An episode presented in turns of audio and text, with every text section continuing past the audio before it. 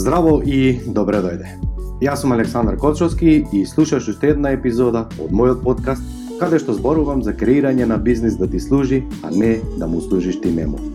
Секој успех има своја цена. Една од цената која што треба да ја платиме за да изградиме успешен бизнис и живот е лична едукација, а тоа е што представува моја страст. Здраво и добре дојде на денешната подкаст епизода. Во оваа епизода ќе зборуваме за тоа како да земеш залет и следно во второ полувреме биде уште, уште, уште подобро од предходното. Секако, за оние кои што не се задоволни, да им биде трансформативно. Во минатото на семинарите често им поставува прашање на учесниците кога сакаат да имаат нов автомобил. Вчера, денес или по една година две. Сите креваа рака дека сакаат сега. Кога сакате нова куќа, зголе дупла продажба, прогрес пати 2 пати 10, повеќе вработени, нов објект, поголема компанија, вчера, денес или по една година, 2, 3, 5. Сите несомнено креваа рака дека сакаат сега. И ова не е крај. На следното прашање им велев, сега задржите ги сите рацете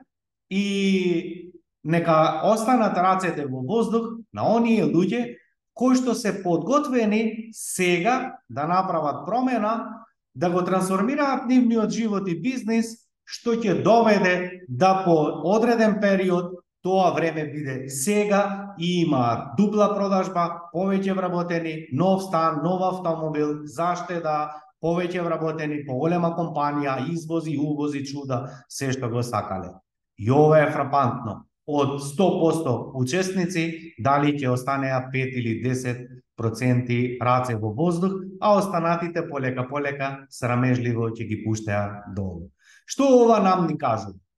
А тоа е само едно, дека сите ние сакаме и сонуваме многу работа, но малку од нас се подготвени да направат привремена трансформација, привремено да се притиснат во нешто што ќе работаат што до вчера не го правеле, да размислуваат неш на нов начин на кој што до вчера не размислувале, да прават активности за кои што до вчера не правеле или многу малку ги правеле, а клучот од ова размислување, од оваа трансформација, од ова ново однесување да доведе до нови резултати. И ова е разликата помеѓу успешните и неуспешните, односно помалку успешните компании. Токму овој програм Земи залет го лансирам токму во овој период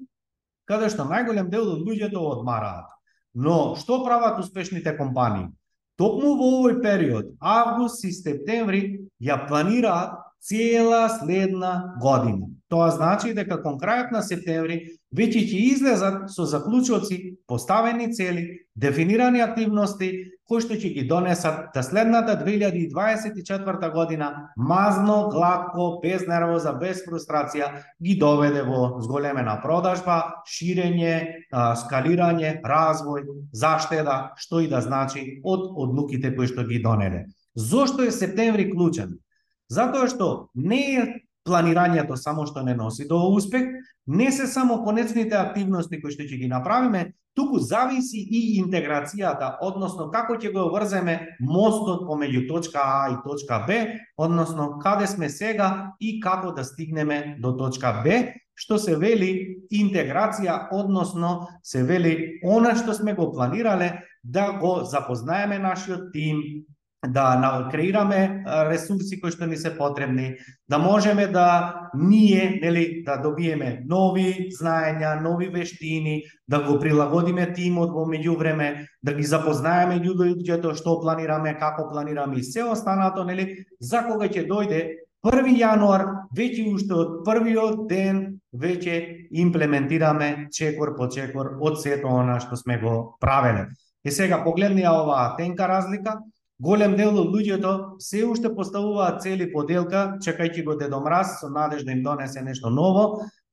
поставуваат цели на 31 или на 1 јануар, додека направат стратешко планирање, додека постават цели, додека дефинираат активности, додека сватат што им треба, што не им треба. Додека сето тоа го судат, го кудат, го трансформираат, го менуваат, ќе помине месец, два, три, Во меѓувреме се промениле а, околностите, условите на пазар, се појавила некоја криза, нешто деструкција од, а, од, од околината и тие веќе се обесхрабрени да го имплементираат она што наведом во околу 1 јануар нели го предпоставувале. Што значи, како и да е, ние на овој начин губиме драгоцено време. Ова успешните луѓе и успешните компании токму го знаат и затоа Кога е период на мирување, кога нема толкава турбуленција, Толку во овој период го користат за планирање. Зошто на среде и на половина година? Затоа што имаме фантастично време, доволно, без стрес, без нервоза. Имаме доволно време до нова година да планираме, да размислуваме, да преправаме, да кроеме, да прекровуваме и нели да погледнеме длабоко во нас, да видиме кои ресурси ги имаме, што е тоа што не недостасува, како сме донесувале одлуки кои што се покажале дека биле добри, како сме донесувале одлуки кога не се покажале активностите добри, што значи длабок, длабок, длабок пристап до внатрешните ресурси кои што ги имаме. Токму затоа и го креирав овој програм во три модули, инаку ми е лесно да начукам 100 видеа, 100 материјали, нели да покажам ја всушност колку знам, но поентата на оваков вид едукација е да имаме што пократко, што поконкретно, што практични вежби кој што ќе не донесат до резултатот и сваќам и мене ми е сосема јасно дека предпремачите немаат бесконечно време за едукација, И токму цел овој програм е насочен на имплементација, а не толку на едукација. Но, во првиот модул имаме стратешко планирање, токму за да знаеме каде ќе се движи целата наше работење, нашите ресурси, нашата енергија, дали ќе ја фокусираме кон еден начин или кон друг начин, Значи, точно да знаеме каде ќе се фокусираме следните 6 месеци, но и поглед подалеку каде ќе се движи нашата компанија во цела следна година, следни 3 и малку подалеку, Оти факт е дека кога гледаме подалеку, имаме можност, нели, индикатори да видиме дали сега ни треба овој човек, дали не ни треба, дали ни треба ваков клиент, таква инвестиција, нели, а не секој дневно да донесуваме одлуки, па подоцна се кајаме зошто требало. Оваа прилика сме пропуштиле, не требало да го отпуштиме овој човек, требало да инвестираме или да не инвестираме. Значи сето тоа се веќе задоцнети реакции. Во првиот модул работиме буквално се што е потребно за планирање. Факт е дека или ние го планираме денот, или тој не планира нас, а годината не е ништо друго туку збир на 365 последователни дневни планирања. Дали ние од утрето ќе станеме со јасни конкретни чекори кои што треба да ги сработиме на дневна база, Кон крајот на денот имаме јасна, штикирани мали победи и секојдневно цел по цел по цел, цел по цел по мали ситни победи одиме. Кон успех или на крајот ние гледаме како се случиле промени на пазарот, гледаме како некој клучен клиент ни откажал, гледаме како некој од работените го напуштиле нашето па работење и тогаш од нервоза, од притисок носиме одлуки кои што нели прво бара голема енергија од нас, Второ, ни го пореметуваат целосното работење, сето тоа влијае на нашите емоции, како ние се чувствуваме, со кој квалитет ние размислуваме за понатамо, какви сме во домот, дали сме само предмет или сме и присатни, или на крајот на денот се живо ќе работиме, а на крајот ниту сме ние задоволни, ниту вработените задоволни, ниту клиентите, ниту нашето семејство и на некој начин се тоа што е потребно ние сме на го направиле, но по измешан редослед што само создава уште поголем замор. Зошто е клучно планирањето? Токму планирањето е клучно да однапред знаеш каде ја трошиш енергијата, на кои приоритети ќе работиш, затоа што секоја компанија во своја животна фаза, секој еден човек има различни приоритети и ние кога сме од дефанзивна ситуација, кога ни се појавуваат некои изненадување, оставаме се што сме започнале и гасиме пожари и на тој начин сме фрустрирани. Токму затоа имаме јасно планирање, разглобено по мали делови и она што е најинтересно. Факт е дека голем дел од луѓето размислуваат. Факт е дека голем дел од луѓето знаат да направат планирање. Факт е дека голем дел од луѓето знаат да постават цели. Факт е дека голем дел од луѓето знаат да постават приоритети, клучни активности и се останато но и факт е дека најголем дел од луѓето само ги препишуваат истите задачи од денес за утре, одолговлекуваат а ова всушност е мајндсет или начинот на нашето размислување и однесување. Токму затоа вториот модел, модул, се извинувам, се базира на нас како личност, како човек, да погледнеме да видиме што се имаме во нашата архива, односно во нашата подсвест, кои верувања ги и понатамо ги чуваме, а денес веќе не ни служат, да погледнеме што е тоа што не саботира, што носиме одлуки, а не ги извршуваме, да погледнеме да видиме што е тоа што постојано не загрижува, да погледнеме со кои емоции и понатамо не можеме да се справиме, да погледнеме кој е тој внатрешен глас кој што ни кажува дека не е време, дека е топло, дека е ладно, дека е криза, дека не знам што, дека се уште сме мала компанија, дека се уште сме мал број на луѓе или како и да. Значи, сите оние одлуки кои што ги носиме, а не ги испочитуваме до крај, имаме некоја отпор. Или ги го решаваме овој отпор, гледаме што се случува, менуваме верувања кои што не саботираат и одиме гладко понатамо во извршувањето на овие микро секојдневни задачи кои што донесуваат огромен успех кон крајот или ќе останеме цел живот заглавени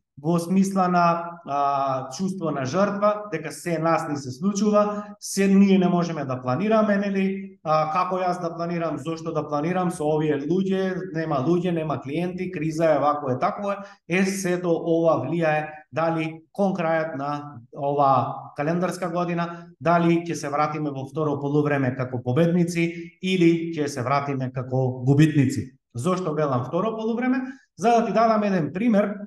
а сигурен сум дека барем еден пример знаеш, кога си гледал некој напревар, играат две фудбалски нели, тимови или екипи, гледаме како во првото полувреме некоја екипа губи, се трудат, трчаат, нели, се работаат, но не постигнуваат гол, нели? И на второ полувреме, нели, на оние 15 минути ќе направат нова формација, нова стратегија и во второ полувреме гледаме како таа екипа веќе не е иста, има целосен доминација на терен, нова посет, нели, статистички на топка, искористени неколку прилики и на крајот однесуваат победа. Што е разликата и што се случило реално во ова полувреме? Епа, дали е факт дека тоа се истите луѓе? Да. Дали се тоа истите играчи со исто искуство, со исто знаење, со исти вежби, со иста стратегија, истите услови, се е исто, нели? Но она што се променило е нивната перцепција, нивната формација, нивната стратегија, што во второто полувреме ја однеле победата. Значи, некогаш во животот е попаметно да седнеме и да размислиме што е тоа што повеќе нема да го правиме во иднина, отколку што уште ново да воведеме. Многу е поважно да седнеме и да анализираме што се случувале во изминативе 6 месеци, изминатата година 2-3. Многу е поважно да видиме од друг една лагол, од друга перцепција, да погледнеме на бизнисот, што е тоа што на вистина ни е потребно, како тоа полека полека да го испланираме, да немаме возбуди, да немаме трчање нервоза и предвидливо да че гориме напред. Зарем не е ова бизнис и начин на водење бизнис како што секој еден посакува. Е токму затоа и третиот модул е наменет за извршување, затоа што факт е дека сите ние имаме 24 часа во текот на денот, има и Ричард Бренсон, имаш и ти, имам и јас, но факт е дека успешните луѓе користат времето поинаку.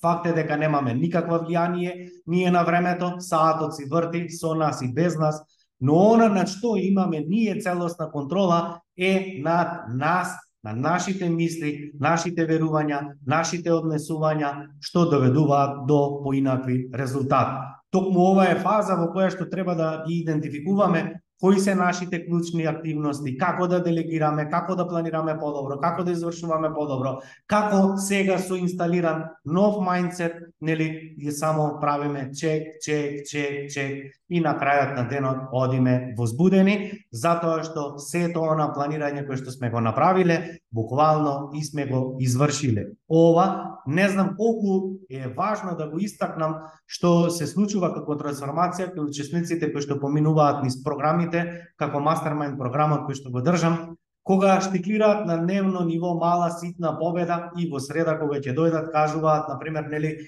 за бидејќи се фокусирале на една, само една активност за таа недела и кога ќе кажат вработав човек, направив тоа, најдов ова, а, направив ваква промена, имплементирав тоа, изврши тоа, И овие мали, ситни победи на дневно ниво ни даваат чувство дека сме на добар пат, дека се е во ред со нас,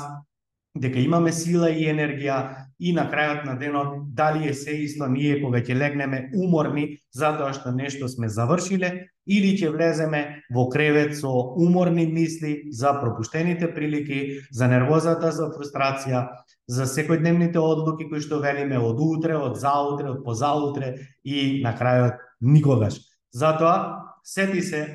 дали си во овој момент подготвен да направиш привремена нели прераспоред во твојот секојдневен начин на работење, дали си подготвен да го исчистиш подрумот сето она ѓубре кое што се насобрало и следното второ полувреме со нова стратегија, со нови јасни чекори влезеш кон победа. За оние кои што се пријавија, јас се честитам и едве чекам да се запознаеме и да започнеме со соработка. За оние кои што се уште размислуваат, ова е супер време да се пријават, линкот го имаш под видеото, под ова видео за програмот Земи залет, како што кажав има три модули, трае три месеци, чини 500 евра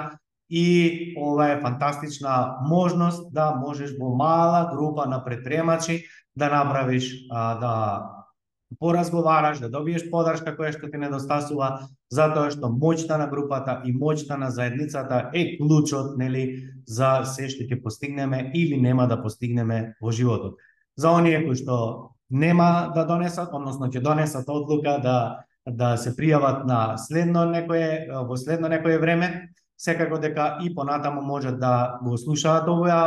овој подкаст Под а, ова видео исто така има и линк за да се претплатиш на мојот ньюслетер, каде што повремено а, објавувам текстови, нели на преку мејл комуницираме со учесниците. Секако дека на време ќе бидеш известен за сите бесплатни онлайн програми кои што ги, односно тренинзи кои што ги правам повремено со предпремачите. Можеш да поставуваш прашања, одговарам секако кога сум во можност и се гледаме, се слушаме во следна прилика. Поздрав од мене и ти посакувам фантастично второ полувреме. Ти благодарам што одвои време да ме слушаш на овој подкаст. Доколку сакаш да соработуваш со мене, Најдоброто место е да се информираш за актуелните понуди е www.aleksandarkochovski.com и секако немој да заборавиш да се претплатиш на мојот ньюслетер, каде што исто споделувам бесплатни информации и навремено ќе дознаеш за сите бесплатни онлайн тренинзи.